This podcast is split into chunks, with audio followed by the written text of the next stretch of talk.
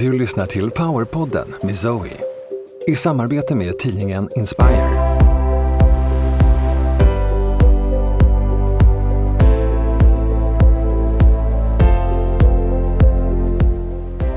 Zoe är en av Skandinaviens ledande spirituella lärare.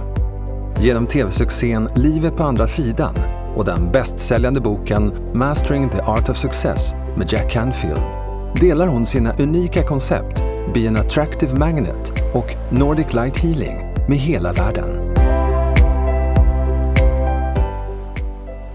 Varmt, varmt välkommen! Jag befinner mig fortfarande fortfarande på Levande föda i Valdemarsvik. Och det här stället drivs ju av en fantastisk kvinna som heter Anita Svensson som jag berättade om i förra avsnittet.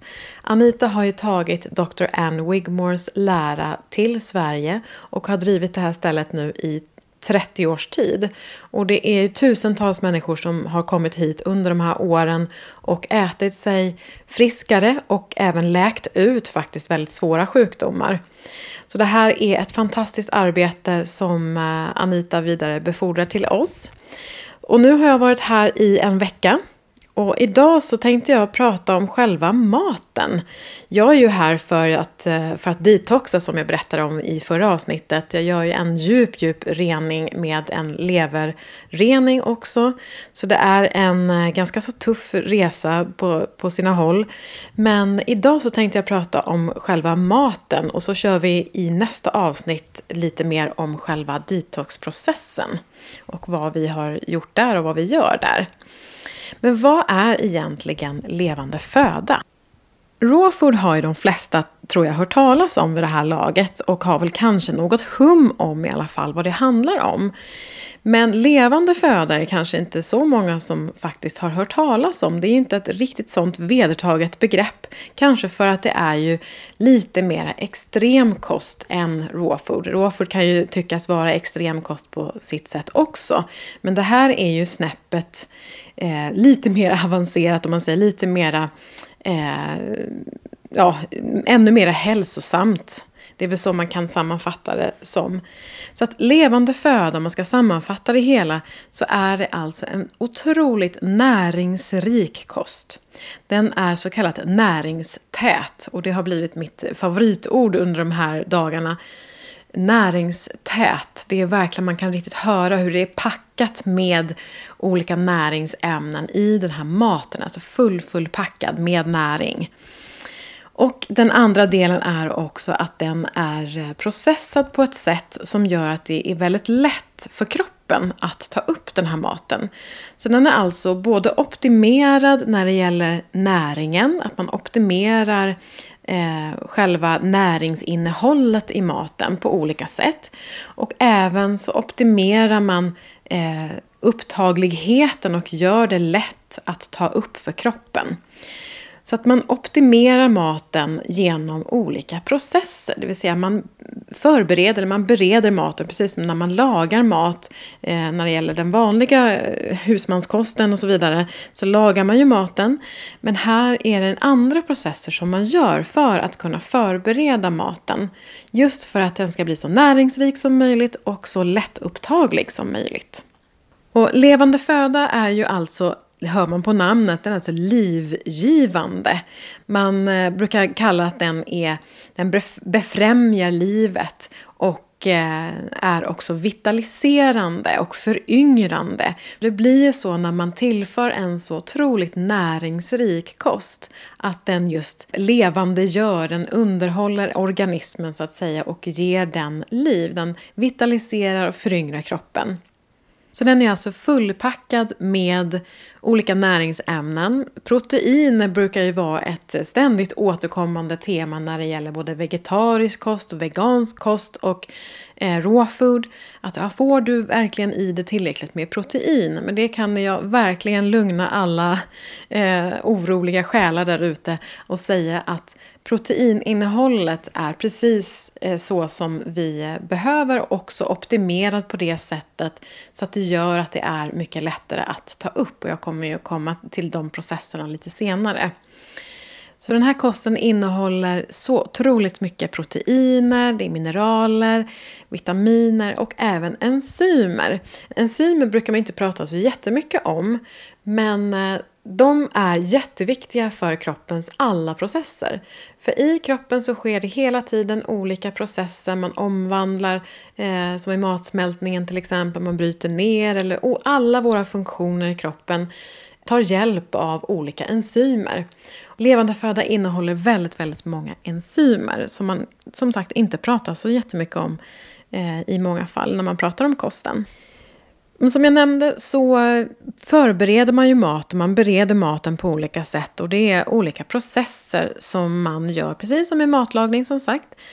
Eh, men det är helt andra processer som man gör för att förbereda maten så att den blir, ska bli så näringsrik som möjligt och att den ska bli så optimerad och lättillgänglig, lätt att ta upp för kroppen. Så en av processerna är ju groddning, det vill säga man gror olika frön Eh, och det man gör där är att man, alltså, man lägger dem i vatten, eh, oftast under kanske ett dygn eller ett par timmar i alla fall. Och sen så häller av vattnet och låter det ligga i fuktigt och även mörkt många gånger. Och låter de här fröna få gro. Det kan, vara, det kan också vara bönor, som till exempel det kan vara solrosfrön solroskärnor, sen känner ni säkerligen till. Och även mungbönor och linser. Det kan man grodda. Sen har vi också de här alfa-alfa-fröna. Så det är väl kanske de vanligaste som man brukar eh, grodda. Eh, det finns en uppsjö av eh, olika som man kan grodda självklart. Men det man gör här det är att man drar igång processen för fröet för att den ska kunna ge växten. Man sätter igång den Eh, ungefär som när man blir gravid faktiskt. Så sätts det ju igång en process för att eh, kunna eh, ge det här embryot den optimala miljön, den optimala näringen på olika sätt. Så det är en förberedelse för ett liv som ska skapas. Och det är det man gör med själva groddningsprocessen, att man sätter igång en groddning för det här nya livet som ska skapas. Och det innebär att den, all den näring som behövs för att hela växten ska kunna skapas från det här fröet, den sätts igång, den aktiveras. Och det här innebär ju att det är enormt många näringsämnen som väcks till liv och eh, optimeras. Man har gjort vissa mätningar på de här och det är ju flera hundra procent av de olika näringsämnena som eh, det ökas med om man groddar olika frön. Till exempel har man sett att vid groddningen så ökar enzyminnehållet som jag pratar om, enzymerna som är så viktiga för alla processer i kroppen. Eh, så vid groddningen så ökar enzyminnehållet med mellan 6 till 20 gånger. Det är ju enormt mycket.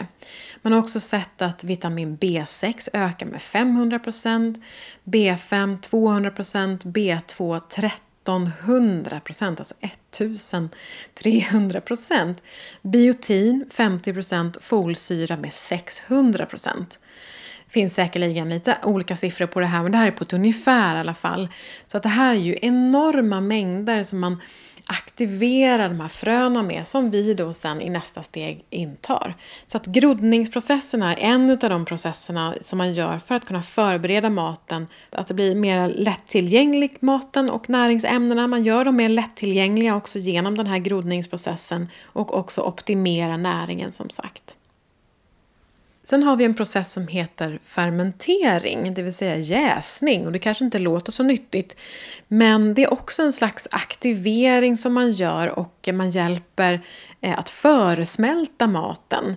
Det vill säga man spjälkar maten ett steg så att det ska bli lättare för kroppen att ta upp maten i nästa steg, ta upp näringen. Så till exempel det som händer vid fermentering är att proteinerna spjälkas till aminosyror, det vill säga de mindre beståndsdelarna, så att kroppen lättare kan ta upp de här aminosyrorna. Stärkelsen eh, också spjälkas till druvsocker och fett, eh, fetter de spjälkas till fettsyror. Så att det man gör är att man försmälter helt enkelt maten så att det blir mer lättillgängligt. Sen en annan väldigt, väldigt viktig del i fermenteringsprocessen det är ju att eh, det bildas enormt många mjölksyrebakterier. Och det här är ju bra också för tarmfloran. Jag kommer att prata mer om, om tarmen i nästa avsnitt. Men eh, tarmfloran är ju enormt viktig att eh, underhålla den så att säga och ha en, en bra tarmflora. Eh, just för att immunförsvaret till exempel, 80% av immunförsvaret brukar man säga, eh, finns i tarmarna. Så mjölksyrebakterier är jätteviktigt att man tillför kroppen hela tiden i goda och bra mängder. Eh, under fermenteringsprocessen så ökar också C-vitaminhalten, B12 ökar och även här enzymerna ökar. Så eh, det finns väldigt många fördelar med att fermentera. Och som sagt, de här nyttiga tarmbakterierna, de känner ni säkerligen till som de här vanliga Lactobacillus, acidophilus och bifilus. Eh, alla fylles och sillus, höll jag på att säga. Så de, eh, de eh, ökas enormt mycket då i den här fermenteringsprocessen. Och ni känner säkerligen till surkål, det är väl den klassiska fermenterade vitkålen som, som skapar den här surkålen. En del tycker det är jättegott, en del tycker det är mindre gott, så det är ju verkligen olika smak där. Men det finns ju olika sätt också att tillföra olika fermenteringsprocesser. Jag kommer att prata också om eh, rejuvelacken här om en stund. Eh, men det man kan göra är ju att man eh, eh helt enkelt eh, eh, syrar eller fermenterar olika grönsaker för att eh, öka mjölksyrebakteriernas innehåll och försmälta maten. Man kan också göra sån här fröost, vilket är väldigt, väldigt smaskigt. Så det är två processer, det är groddning och fermentering. Och sen så har vi ju en, en eh, process som de flesta känner till tror jag, det är att man mixar maten. Det är som man gör med eh, barnmat helt enkelt. Kanske inte låter så trevligt, men eh, som smoothies och olika soppor så mixar man maten. Och det är samma sak här, att man finfördelar, finfördelar, finfördelar maten så att det ska bli så lättillgängligt för oss som möjligt. Så det är ju eh, syftet med att mixa ner maten så att det blir eh, finfördelat så att vi har möjlighet att eh, ta upp det på bästa sätt. Och sen har vi ju också olika juicer. Nu använder man ju, tar inte in så många olika just fruktjuicer för det är väldigt mycket socker, alltså fruktsocker i juicer. Så att vi eh, dricker inte så mycket juicer. Det är framförallt vetegräsjuice som jag också kommer prata om i nästa avsnitt när jag pratar om eh, detoxen. Där vetegräset är en fantastisk eh, växt och eh, som man då pressar eh, så att man får den här vetegräsjuicen. Men juice, press, pressningar också en del i levande föda. Sen en ytterligare del är ju att man faktiskt också odlar egen mat. Eh, och det kan man ju göra både i mindre och större skala såklart. Man behöver ju inte ha ett helt eh, land utanför där man bor eller på balkongen eller så. Utan det här kan man också göra i mindre skala inomhus på brickor där man odlar olika Eh, skott. Man eh, kan till exempel eh, också med solrosfröna där men ska, med skal självklart då så odlar man solrosskott så att det växer upp någon dryg, ja, kanske någon decimeter eller någonting och så skördar man det och äter. Boveteskott kan man också odla och sen vetegräset såklart så behövs ju också odlas på jord så att säga. Och det här väljer man ju helt och hållet själv hur man hur mycket man vill göra och hur mycket man, av det här man vill ta till sig och vad som passar med ens liv som man lever, vad som fungerar med eh, allting övrigt som man, som man ska försöka få ihop i vardagen. Det är inte kanske vissa som har möjlighet att kunna odla och så vidare. Eh, och som för mig som reser väldigt mycket så blir det här ett ganska stort företag många gånger att eh, odla. Och jag kan ju inte starta odlingar var och en i, på varenda hotellrum som jag hamnar på. Så då får man hitta olika varianter men bara man vet lite mer vad man eh, ska äta eller kan äta så, så blir det mycket lättare.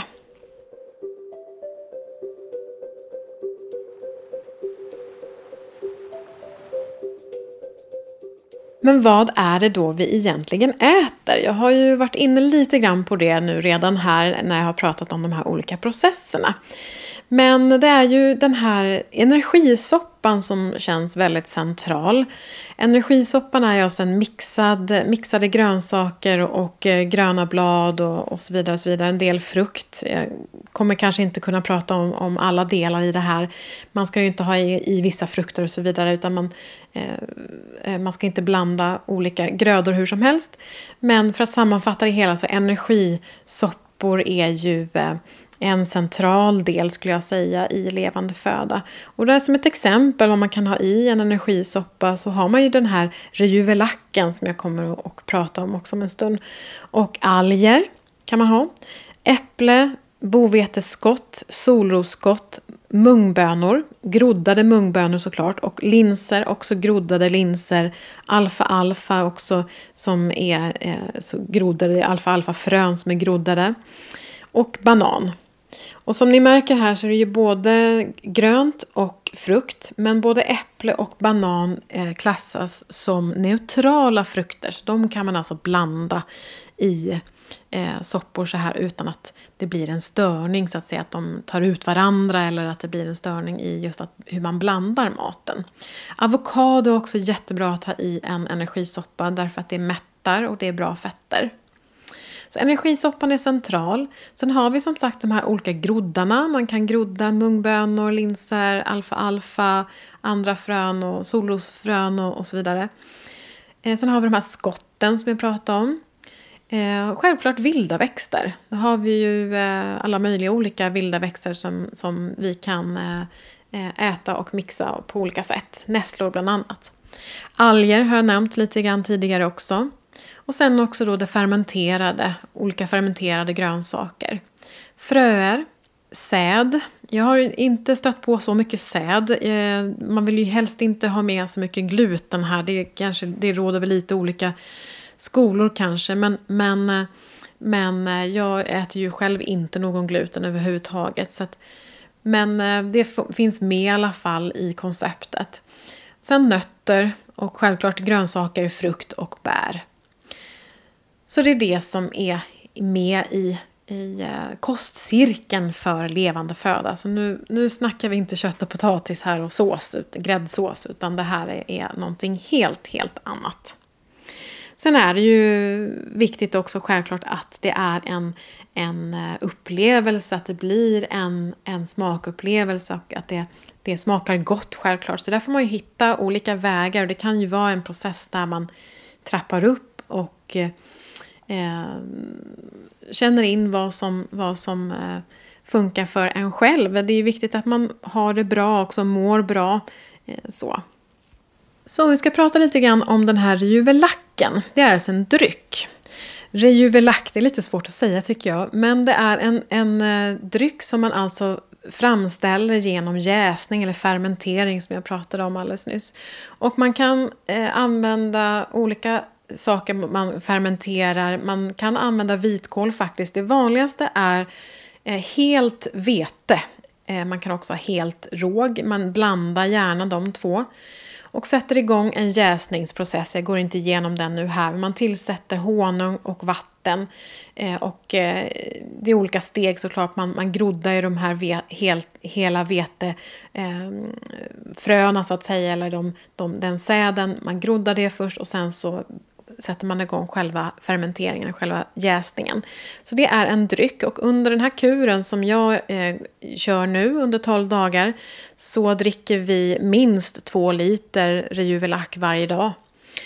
Rejuvelacen innehåller ju protein och eh, vitaminer, framförallt B och E och K-vitamin. Självklart kolhydrater och enzymer, massa enzymer. Och sen de här mjölksyrebakterierna som är, som är väldigt, väldigt viktiga. Speciellt under den detoxen som vi gör, men det är också viktigt i vanliga fall självklart också. Eh, så mjölksyrebakterierna är ju viktiga som sagt för tarmfloran där. Eh, så att, och proteinerna de har ju brutits ner till enkla aminosyror som jag nämnde tidigare. Och kolhydraterna också då till enkla sockerarter så att det blir lättillgängligt för oss att ta upp helt enkelt. Så juvelacken finns i det mesta också.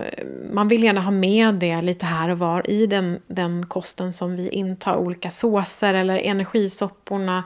Eh, man, man, kan lägga ner juvelacken lite här och var just för att man vill verkligen få med de här nyttigheterna. Framförallt eh, mjölksyrebakterierna skulle jag vilja säga.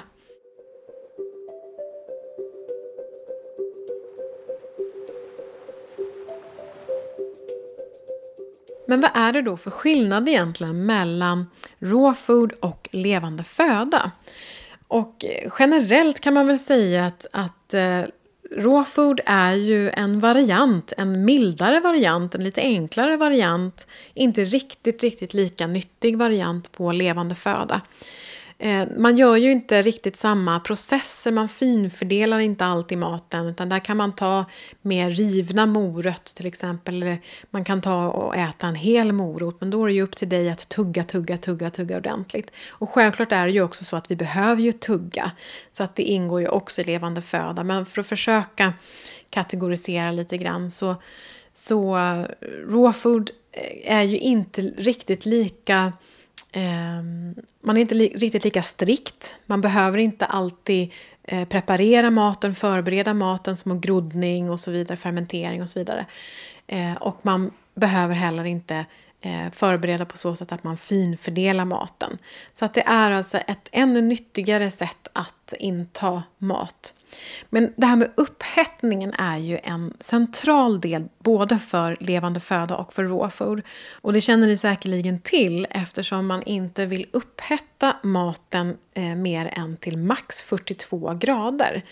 För det som händer nämligen när man upphettar mat är ju att eh, näringsämnena förstörs. Och det man har sett är ju att eh, vid kokning till exempel så förstörs upp till 85% av näringsämnena. Så det, det som vi i vanliga fall äter av kokt och stekt och lagad mat så att säga. Så den maten som vi intar innehåller ju inte mycket näring tyvärr.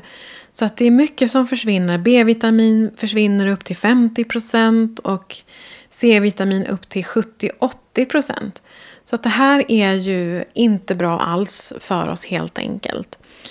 Så det är därför som man varken inom levande föda eller raw food hettar upp maten till en till max 42 grader.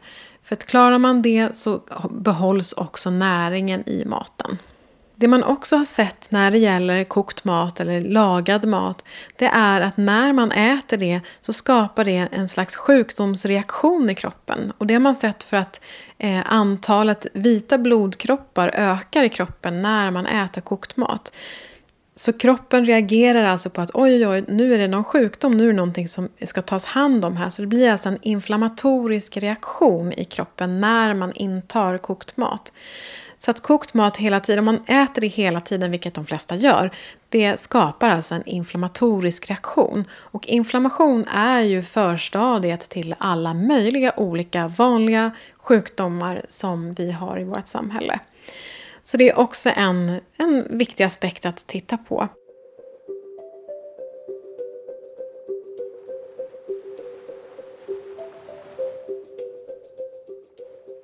Så, det var lite grann kring det här med maten när det gäller levande föda och vad det egentligen är för någonting och varför vi äter som vi äter. Och på sidan för poddgåvor den här veckan så delar jag med mig av mina favoritsmoothies recept. Både en eh, superenkel variant som är som en dryck om du vill ha lite extra energi och en lite mer avancerad och matig variant på smoothie. Så gå gärna in på poddgåvosidan och du signar upp dig på hemsidan. Det är www.zoeland.se podd, P-O-D-D. Bara gå in på hemsidan där och så ser du också eh, poddsidan. Och så signar du upp dig för att ta del av alla de eh, gåvor som jag eh, delar med mig av under den här podden. Både meditationer och tips och tricks och förra veckan var det ju en eh, meditation som jag eh, delade med mig av som hette The Smiling Buddha. Jag kommer ju återkomma till min resa här på Levande Födagården i senare avsnitt för att berätta om den djupa detox som jag gör här. Så det ska bli väldigt spännande kan jag lugnt säga. Se var det landar någonstans. Eh, det är ju faktiskt så att vi börjar närma oss julen så smått. Det kan ju kännas lite konstigt nu så här men eh, jag ser verkligen fram emot faktiskt att ta fram alla fina tomtar och dekorera. Jag älskar ju att eh, göra fint hemma. Så jag ser faktiskt verkligen fram emot det. Men jag vet ju att det här med julen kan vara lite mm, blandad upplevelse för många människor. Och en del kanske inte har så många att fira julen med och det kan kännas väldigt ensamt och jobbigt.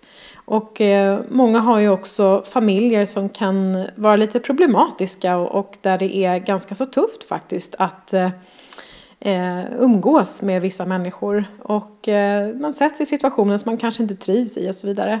Så i nästa avsnitt så kommer vi att prata om det här med hur vi påverkas energimässigt. Både av andra människor och även då i olika situationer och även fysiska saker och vad vi kan göra för att klara av dessa energier.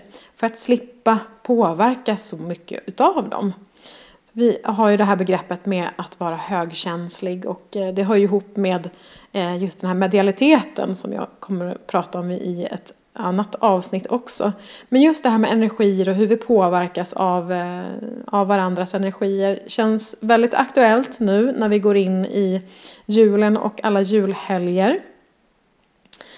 Men kom ihåg nu också att eh, du får jättegärna prenumerera på Powerpodden. Du går ju in på din app, på din telefon, din, din podcast-app och eh, trycker på prenumerera där, letar fram Powerpodden och prenumererar så får du en, eh, en liten avisering när avsnittet släpps.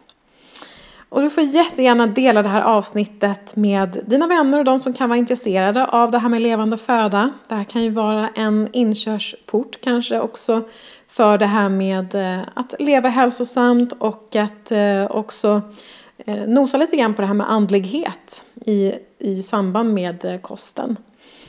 Så dela gärna med dina vänner och i sociala medier så hjälps vi åt helt enkelt att föra ut de här budskapen. Och jag skulle ju jättegärna vilja ha, eh, ta del av eh, era favoritrecept faktiskt på både råfod eller levande föda. Och, för det är ju så att jag tror många av oss där ute har lite svårt att eh, komma på vad man ska äta och det är ständigt ett dilemma. Vad ska jag äta för någonting? Och har du ett favoritrecept på råfood eller levande föda så får du jätte, jättegärna eh, lägga upp en länk i kommentarsfälten där, antingen på Facebook eller på Instagram.